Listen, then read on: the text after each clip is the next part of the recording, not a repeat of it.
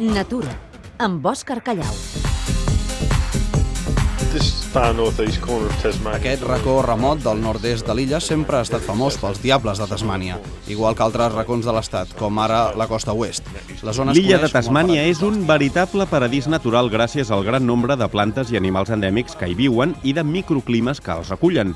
En només 68.000 quilòmetres quadrats hi ha cims alpins, boscos tropicals, rius, aiguamolls, illots, platges i penya-segats, que permeten al visitant contemplar pingüins, elefants marins, balenes, patrells, cangurs, ornitorrincs, serps, granotes, ualabis, pòssums, gats marsupials, equidnes, bàndicuts i la gran estrella, el diable de Tasmània.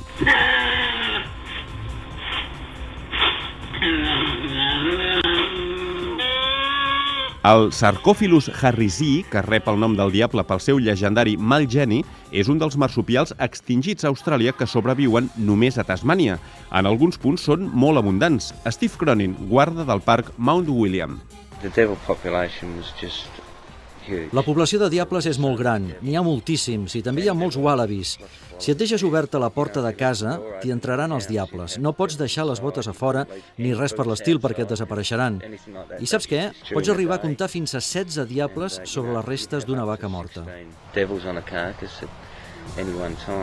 Els diables no són els únics marsupials que ens poden fer la guitza a Tasmània. John Hughes, guarda del parc Lea Buleena. Camping out and you had trouble with animals at night Quan acampes et poden causar problemes als animals nocturns, com ara els pòssums, els gats marsupials i les rates autòctones, entre d'altres. Has de ser molt curós, retirar totes les restes de menjar, si no els pòssums et tindran despert tota la nit i els arrossegadors intentaran entrar a la tenda de campanya. La gent aprèn això molt ràpidament. El motiu que Tasmània tingui una fauna tan especial és geològic. Separada del continent per l'estret de Bass, es creu que en formava part fins fa només uns 10.000 anys, al final de l'última glaciació, quan una crescuda del nivell del mar va separar els dos territoris. Jamie Kirkpatrick, ecòleg. En el passat els refugis de la fauna eren els boscos tropicals, però les selves van recular cap al fons dels barrancs.